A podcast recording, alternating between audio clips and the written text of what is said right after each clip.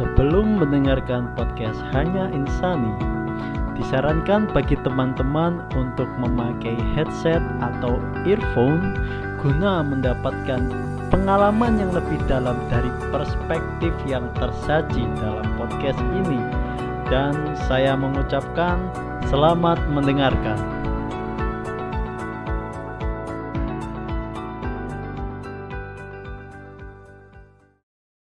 Oke, halo semuanya. Ketemu lagi di podcast Hanya Insani di dalam sesi mencari makna. Kali ini kami akan membahas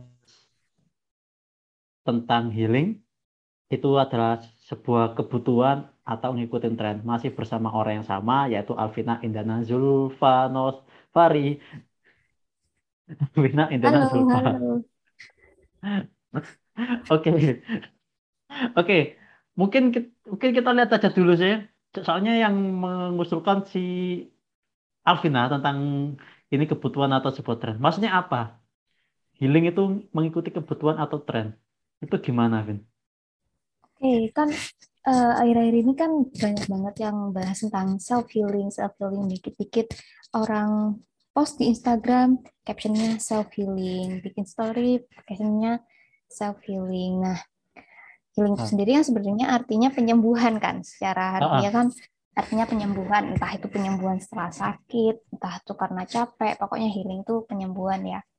Nah, karena healing ini banyak dikenal oleh orang, apalagi di era pandemi ini, orang-orang eh, ngikut apa ya, sering jalan-jalan atau keluar-keluar dengan kedok healing. Jadi banyak yang mengat, banyak yang apa ya, menghilingkan diri atau menyembuhkan diri dengan apa ya, dengan alibi mengikuti tren kayak gitu. Sebenarnya kan healing itu kan nggak hanya cuma jalan-jalan atau ngabisin duit aja kan. Sebenarnya banyak macam-macam healing itu sendiri. Tapi yang menjadi tren sekarang adalah healing itu jalan-jalan terus pergi ke tempat wisata ini itu itu yang jadi konsep kita.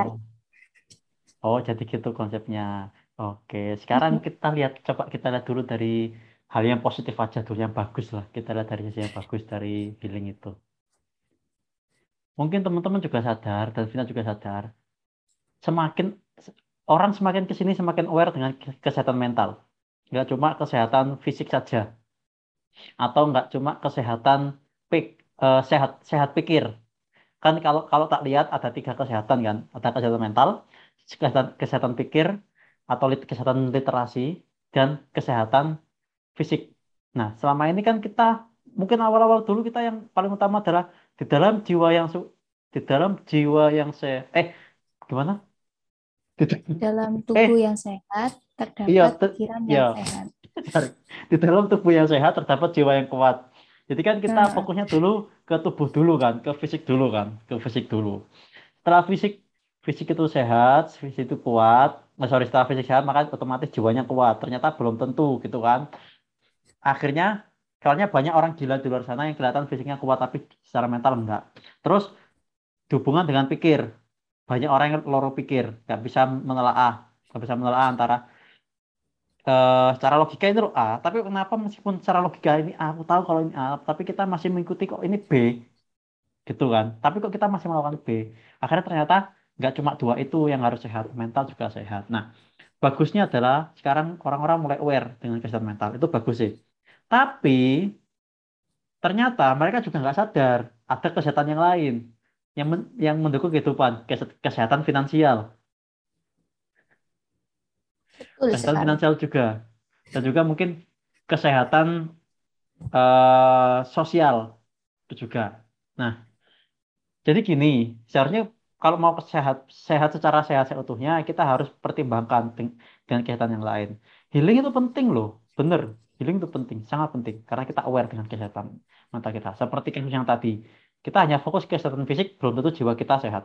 Kita hanya fokus ke kesehatan literasi, nyatanya banyak-banyak orang yang di luar sana yang eh, apa namanya secara kognitif atau secara pemikiran tinggi, tapi ternyata mereka melakukan affair-affair, melakukan hal yang itu. Kan banyak toh sekarang kayak gitu, banyak oknum kayak gitu. Nah, ya kita harus mensinkronkan semua kesehatan. Healing boleh. Healing malah malah tak anjurin no. Healing boleh healing. Tapi lihat itu healing kita mengikuti itu healing yang benar-benar self reward atau healing yang emang ngikutin tren. Jangan sampai hilang, healing, hilang, healing, melarat. Hilang, healing, hilang, healing, miskin. Hilang, healing, hilang, healing, kita ngejauhin kita dari dunia sosial sekitar kita. Nah, kesehatan yang lain juga harus difikirkan. Itu sih menurutku. Nah, lagi nih, itu yang baiknya dari dari healing. Semuanya tahu sekarang aware. Nah, menurut Vina nih, apa sih yang membuat orang itu semakin aware dengan kesehatan mental zaman sekarang? Apalagi mereka kan dulu kan nggak ada tau Vin termnya. Ya udah aku pengen jalan-jalan, aku pengen liburan. Enggak kan nggak ngomong aku pengen healing, pengen healing. Lah kalau dulu kan healing kan ke healing yang namanya healing ya ke apa sih ke ke terapis atau ke dokter itu kan healing. Tapi sekarang kan enggak. Sekarang konotasinya kalau healing bisa jalan-jalan. Healing ke kafe, healing ngobrol. Itu semuanya dipakai healing. Itu sejak kapan gitu loh. Term itu tuh boomingnya di Indonesia terutama. Oke, ke pertanyaan yang pertama dulu ya, yang sejak kapan orang-orang tuh aware tentang kesehatan Ah, mental tadi. Eh, satu jawab, ya nggak satu sebenarnya. Yang paling besar dampaknya itu karena satu sosial media. Orang-orang mulai aware dengan eh, kesehatan mental mereka ya karena sosial media, banyak Instagram, YouTube, Facebook pun sekarang juga banyak yang share tentang kesehatan mental dan dari situ juga orang-orang juga eh, mulai mengenali, oh ternyata eh, kalau aku lagi banyak pikiran nggak boleh dipaksain. Oh ternyata kalau aku di lingkungan ke di lingkungannya orang-orang toksik berarti aku uh, berhak untuk keluar. Nah seperti itu. Nah situ orang-orang sudah mulai sadar tentang cara mencintai diri sendiri dan cara menjaga mental mereka dan sejak kapan orang-orang menjadikan jalan-jalan atau menghamburkan uang itu sebagai healing? Ya karena sosial media juga. Karena kehidupan sosial media kan sebenarnya nggak sama dengan kehidupan nyata ya. Uh, ya untuk orang yang berduit ya it's okay kalau mereka uh, cara healingnya dengan jalan-jalan atau lain sebagainya. Tapi sebagai manusia ya hal, jika kita ingin menginginkan sesuatu yang sama atau posisi yang sama dengan orang lain ya. Orang lain lihat orang lain jalan-jalan, kita menuntut diri kita sendiri untuk bisa kayak gitu juga. Ayo kamu harus jalan-jalan juga. Padahal tanpa kita sadari itu juga membawa beban kepada diri kita. Kan sekarang tuh banyak kan uh, story-story kerja kerja kerja tipes. Pernah dengar nggak kayak gitu? Ah, Nah, kerja kerja kerja buat terus buat dihabisin. Nah di situ secara nggak sadar kita itu mempush diri kita untuk uh, apa ya memenuhi standar orang lain agar kita bisa disebut ya kamu manusia zaman now gitu jadinya yang modelan kayak gini gitu nah itu semenjak itu orang-orang menjadikan jalan-jalan tuh healing tuh uh, tipikal harus jalan-jalan belanja makan-makan yang enak gitu ya it's okay itu nggak salah cuma kita harus lihat dulu kebutuhan healing kita itu apa sih gitu. Soalnya kan healing, hal sederhana aja itu juga bisa dibilang healing. Tidur aja kan bisa dibilang healing kan. Nah, jadi kita harus lihat dulu nih, kebutuhan healing kita itu apa. Misal kalau capek habis kerja, habis nugas, ya healingnya apa? Tidur, gitu kan. Kalau stres karena banyak kerjaan atau habis tengkar sama pacar, ya healingnya macam-macam. Kalau aku pribadi healingnya itu uh, ngelukis, masak, kayak gitu-gitu. Jadi oh. aku sih kak budget ya. Uh -uh. Gitu. Kalau menurutnya sama gimana mas? Sebut antara kenapa? kok kok ada sedikit curhatan kamu keluar kalau habis berantem sama pacar Loh, milenial kan sekarang gitu permasalahannya kan. Kalau nggak ya. uang ya pacaran. Berantem hmm. sama pacar aku sih kayak gini kalau aku ya tak lihat ya sekali lagi tak tak garis bawahi perlu garis bawahi healing itu perlu seriusan healing itu perlu tapi caranya kita harus caranya kita harus nggak melulu melihat ter ah, sorry nggak nggak melulu terafeksi oleh sosial media apa yang nampak di sosial media karena belum tentu yang nampak di sosial media itu ses, uh, ses, se, se apa tuh segaris lurus dengan yang terjadi di dunia nyata. Banyak kan orang yang cuma pamer di media terus kita pengen ikut-ikutan. Kita harus pinter-pinter memfilter. Sumpah harus pinter-pinter memfilter. Kita harus tahu batas diri kita sampai mana. Bukan batas diri sih, kita harus tahu ya kita harus tahu kemampuan kita segimana. Kita harus tahu batas diri batas dirinya segimana. Misalkan kayak Vina tadi toh, melukis aja cukup untuk gilinya dia karena dia sudah merasa cukup. Jadi kalau kita kita baik lagi, kita baik lagi kita harus menenangkan banyak hal sih sebenarnya banyak filosofi dalam diri kita agar healing kita itu bisa se semaksimal mungkin dengan biaya sesedikit mungkin agar nggak nggak merusak kesehatan yang lain. Kesehatan hubungan sama keluarga mungkin karena kita kita jadi beban orang tua terus kesehatan mental oh, sorry kesehatan finansial karena kita belum menghasilkan kan. Terus kesehatan sosial barangkali kita karena kita pamer-pamer akhirnya uh, banyak orang di luar sana yang ngerasa iri. Jalan-jalan aja jalan-jalan aja gitu kan. Nah, kalau malah bikin kalau kita narsis. ah, bikin narsis juga. Kalau kalau toh kalau toh emang kita bisa kalau toh emang kita mampu gitu, kita mampu ya sudah nggak apa-apa itu hak kalian. Tapi kalau misalkan kesehatan yang lain belum belum terpenuhi, ya hati-hati. Jangan sampai kita termakan dengan dengan ranah healing healing saja, healing, tapi kita nggak melihat kesehatan-kesehatan yang lain. Nah, gitu. Misalkan contoh nih, contoh ya, ada orang yang maksa untuk dia healing, pergi liburan, padahal dia padahal dia sendiri nggak bisa makan gitu loh. Tadi dia nggak bisa makan. Akhirnya apa? Akhirnya dia lebih mentingin healingnya daripada uh, apa sih namanya itu daripada makannya. Itu itu bisa juga menjadi ke kalau aku kalau aku lihat dari sisi psikologis ada namanya OCDC kalau nggak salah OCD sorry obsessive compulsive disorder itu kalau misalkan kita, itu seakan-akan kita mau beli sesuatu hal yang kita nggak miliki gitu loh. Jadi seakan-akan misalkan nih bedanya self reward dengan OCD adalah kalau self reward kita melakukan sesuatu kita kita memberi reward, reward kepada diri kita sesuatu setelah kita melakukan sesuatu setelah kita mencapai sesuatu itu self reward tapi OCD itu dalam tahap yang dia hilang healing aja dia dalam tahap yang memberi reward kepada dirinya secara terus menerus tanpa melihat apa sih tanpa melihat apa yang sudah dicapai gitu loh jadi seakan-akan aku mau beli ini aku mau beli ini contoh contoh gampang wes gini wes uh, contoh gampang ya daripada agak sedikit susah dipahami adalah kalian pergi ke supermarket. Bedanya orang yang self reward sama orang yang OCD adalah kayak gini. Ini berkaitan dengan healing karena agar kalian aware dengan kayak gini. Kalau orang yang OCD itu dia akan membeli barang, membeli barang tanpa perencanaan, membeli barang, perencanaan meskipun tertulis atau nggak tertulis, tapi kalau dia beli dan dia nggak nggak sesuai dengan perencanaan, misalkan aku mau beli ini, beli, aku mau beli ini, beli, aku mau beli ini, akhirnya out of budget, itu bisa menjadi tanda-tanda OCD. Dan itu juga mungkin akan berefek kepada healing kalian. Kalian mau healing, healing, healing, tapi out of budget, akhirnya hutang, akhirnya mau nunjukin gini-gini, hati-hati. Nanti akan bisa merujuk ke narsis. Ada dorongan-dorongannya lain. Bisa kalian mau narsis, bisa kalian mau uh, misalkan mem ada inner child intact juga, inner child dalam diri kalian untuk memuaskan, hati-hati aja. Nah, kalau orang yang self reward atau self reward untuk self reward itu dia in budget. Jadi ada perencanaan meskipun ditulis atau enggak. Nah, sebaiknya healing healing yang benar-benar kebutuhan adalah saat kalian merasa stres atau merasa terbebani terbebani dengan kehidupan kalian ya in budget.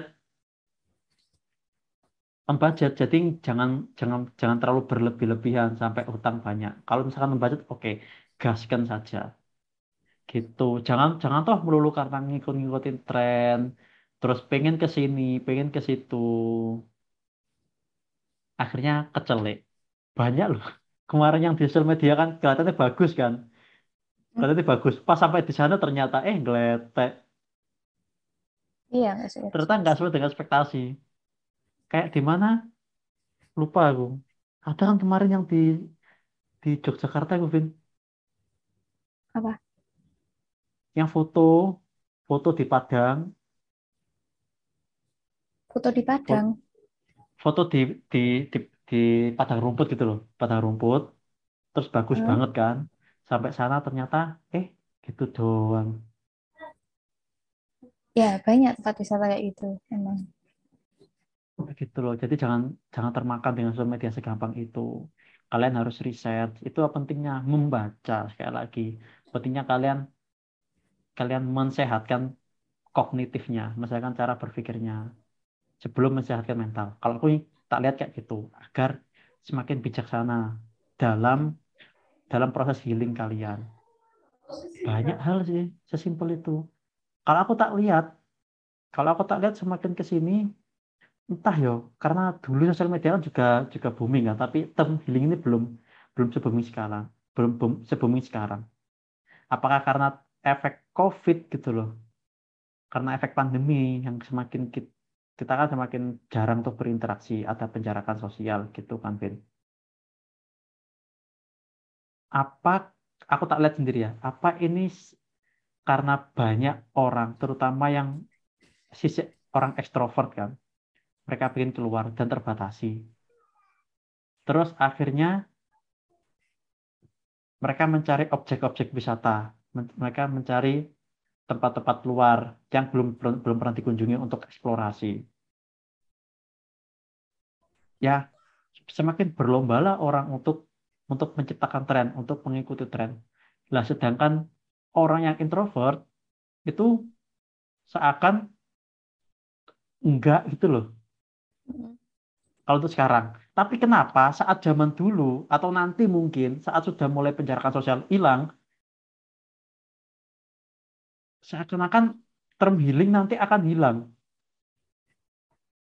Seakan-akan aku tak lihat ya, seakan-akan term healing ini akan up kalau orang extrovert yang kena.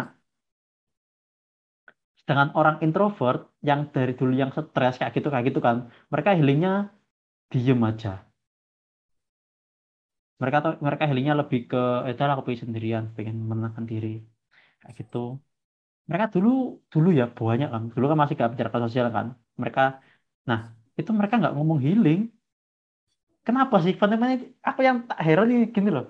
Fenomena ini kenapa term healing ini muncul saat orang ekstrovert dikekang dan bukan saat dulu masa dulu saat belum ada penjarakan sosial saat dulu kan orang introvert yang merasa ter terbebani karena mereka Iya. harus keluar harus bersinggungan terus dengan orang lain itu nggak nggak ada term healing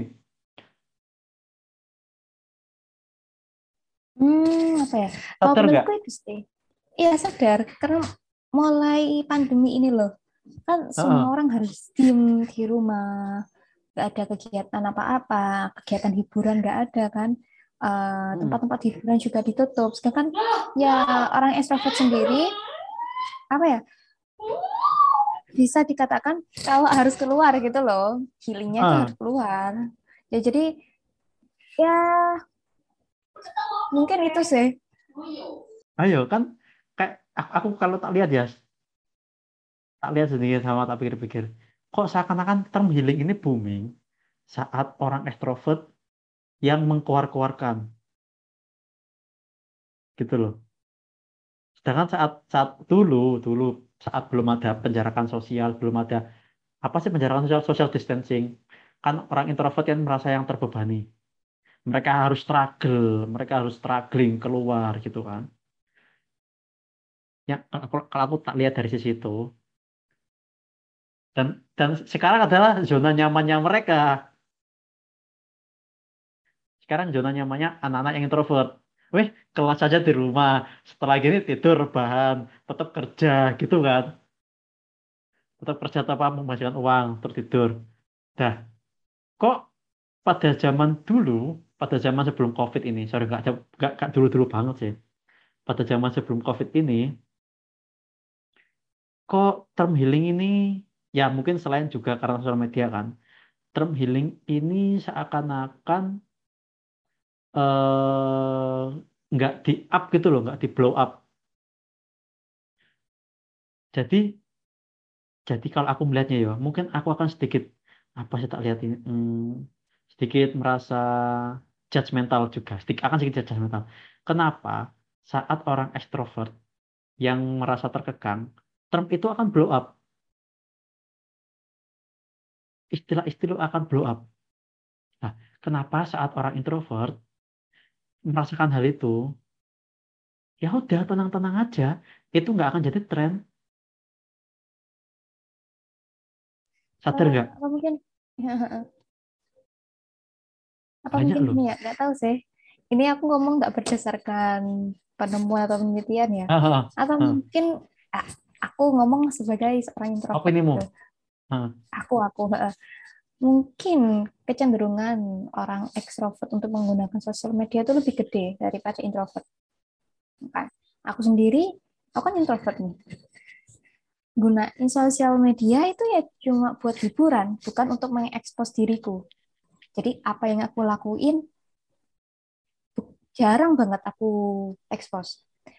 Nah, sedangkan orang orang ekstrovert dia tuh mereka tuh ada apa ya istilahnya pede gitu loh untuk menceritakan kehidupan mereka, untuk membagikan apa yang mereka lakukan dan mungkin mulai dari situlah gitu loh, mulai dari satu orang membagikan orang lain kan sekarang sekarang aja banyak orang di sosial media kan disuruh share ini, disuruh share itu tuh mau kan jadi tren. Nah, and I think orang-orang introvert juga nggak semua orang introvert bakal mau gitu loh buat share begituan. Jadi itu sih kecenderungan orang ekstrovert untuk menggunakan sosial media juga yang jadi salah satu faktor kenapa tren healing ini jadi booming. Hmm. Hmm. Jadi gitu, aku tak lihat dari sisi kayak gitu sih. Eh, tren awal mula tren healing itu kayak gitu, tak lihat. Jadi nggak cuma karena eh, dari sisi pandemi juga ber- berpengaruh, terus sosial media juga berpengaruh. Tapi kecenderungan orang yang kecenderungan tren itu akan blow up kalau saat orang mau meng apa itu eh, apa sih orang mau untuk meng gimana ya ngomongnya ya? Orang mau untuk mengekspresikan dirinya itu akan tren. Dan kecenderungan itu dimiliki oleh orang ekstrovert sedangkan orang introvert aku nggak tahu dengan orang introvert itu mereka seakan-akan menjadi follower aja dari tren nah untuk kalian teman-teman mau introvert kah, mau ekstrovert kah, mau ambivert kah, atau omni- omnivore, kalian punya hak untuk mengekspresikan diri. Punya hak, semuanya punya hak.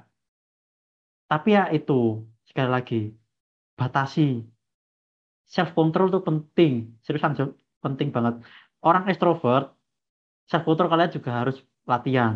Orang introvert, self control kalian juga harus benar-benar harus di diatur, di manage lah. Enggak se- kalau emang harus ngomong ya ngomong, kalau enggak ya enggak. Itu orang introvert lah. Nah, jadi healing ini menurutku ya, mulai dari healing, ghosting, terus apa lagi?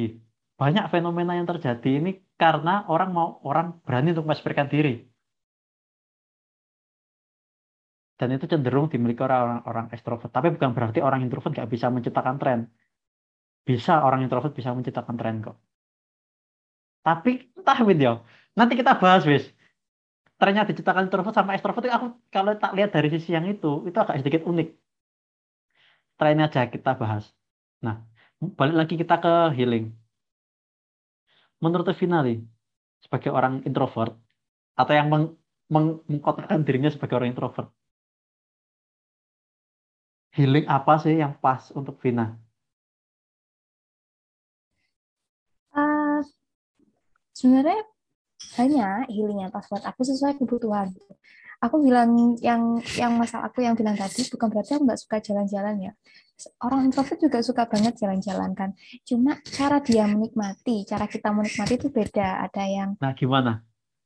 um, misalnya aku orang introvert, ketika aku jalan-jalan keluar, aku lebih milih menikmati kayak ya buat aku sendiri itu nggak usah nggak usah di pos-pos nggak usah diapa-apain gitu kan. Itu cara aku healing. Kalau lagi keluar jalan-jalan Eh, terus terkait healing apa yang pas ya sesuai kebutuhan. Kalau memang aku lagi capek aku lagi capek nugas atau capek habis keluar ya healing tuh tidur. Kalau misal capek karena suntuk gak ketemu orang atau ya pasti tau lah ya rasanya gimana kayak kurung di rumah ya healingku ya jalan-jalan gitu kan. Kalau misal uh, sumpek atau apa ya sumpek atau lagi kehabisan apa lagi kehabisan ide. ya healingku uh. ngobrol sama orang lain gitu. Jadi sesuai kebutuhan sih. Oke. Gitu. nah, persentasenya lebih banyak yang mana Vin? Lebih banyak merenungkan merenungi diri atau berhubungan dengan luar. Jalan-jalan hmm, kalau aku lebih presentasinya lebih banyak ke menikmati waktu diri ke diri sendiri. Kayak lihat film tidur atau melukis atau apa gitu. Gitu benar-benar waktu buat diriku sendiri itu loh. Oke, jadi gitu ya teman-teman. Jadi healing itu nggak melulu harus keluar kok, seriusan. Ini salah, salah satu contohnya Avina ini orang anak introvert dia mencap dirinya sebagai introvert. Nah ya udah di rumah. Kalau aku sih kalau aku ya kalau aku anak orangnya ambivert alhamdulillah ambivert. Jadi yo dua-duanya bisa bisa keluar bisa di dalam. Enak gitu. Jadi nggak perlu harus healing itu nggak perlu harus keluar kok. Jadi nggak perlu harus ngabisin uang. Kalau emang healing kalian harus ngabisin uang dan keluar on set up budget aja misalkan keluar nih. Misalkan keluar terus kalian um, misalkan keluar dan akhirnya kalian mau ke pantai gitu kan habis kira-kira satu juta. Ya udah on budget aja. Sedangkan kalian cuma uang 500 ya sudah jangan dulu. Tahan dulu. Atau kalian ganti pakai apa ke misalkan misalkan ke ke, ke samping kali yang ada pasirnya shopping danau yang depan kan bisa untuk membohongi aja untuk ngehack. Gitu sih. Sebenarnya banyak kok trik-trik yang bisa kalian lakukan. Uh -uh. pokok intinya healing tuh menyenangkan dan menenangkan diri bukan memuaskan standar orang lain. Nah itu nggak nggak perlu memuaskan nggak perlu memuas gini nggak hati-hati juga sih Vin nggak perlu memuaskan bisa nggak perlu. Benar kata Vina. Jangan memuaskan diri sendiri stand, karena standarnya terafeksi orang-orang lain. Itu. Jangan. Hati-hati. Benar kata Vina. Jangan jangan memuaskan. Apalagi kan kalian terjebak dengan aku puas nih kayak gini karena si ini kayak ke sini. Kan sebenarnya kalian tuh memuaskan diri kalian atau memuaskan orang lain atau kalau kalau misalkan emang kalian kayak gitu ya lihat dulu kondisimu bajul. Lihat dulu kondisimu. Lah yang kamu yang kamu jadikan tujuan itu misalkan Rachel nya kayak gitu kan. Lah dirimu ke sopo? Dompetmu sedalam apa? Koneksimu seluas apa? Kalau mungkin ke ala-ala oke. okay ke ala-ala misalkan rasa nya nongkrong di Starbucks gitu kan. Starbucks sedangkan kalian nongkrongnya di Starbucks. Bukan Starbucks tapi Starbucks. Itu oke okay, yang penting sesuai dengan budget. Gitu. Jadi healing itu adalah bentuk salah satu self reward juga healing. Tapi hati-hati. Hati-hati banget. Jangan jangan karena tren ngikutin tren terus healing kalian malah membuat kehidupan kalian sisi kehidupan yang kalian yang lain rusak. Jadi gitu. Ada lagi yang mau ditambahkan Vina? Uh, udah sih terwakili tadi. Itu tadi healing. Enak Vina. Cuma gitu tak jangan jadi... salah mengartikan healing. Ah, oke. Okay. jadi gitu ya teman-teman. Untuk healing hati-hati. Healing itu sebuah kebutuhan sebenarnya tapi healing itu sebuah kebutuhan dan jangan ikutin tren itu itu kebutuhan untuk kalian dan bukan keinginan kalian untuk ngikutin tren. Sangat berhati-hatilah untuk melaksanakan healing kesehatan mental kalian. Ingat kesehatan mental kalian itu penting. Tapi dalam kalian itu bukan cuma kesehatan kalian, kesehatan mental kalian aja. Ada kesehatan lain yang harus kalian pikirkan. Kayak gitu. Jadi seperti itu saja dari kami. Um, Ma Ghazali dan Alvina Indana Zulfa dalam podcast Hanya Insani di episode kali ini. Oke, terima kasih Vin. Eh, sama-sama.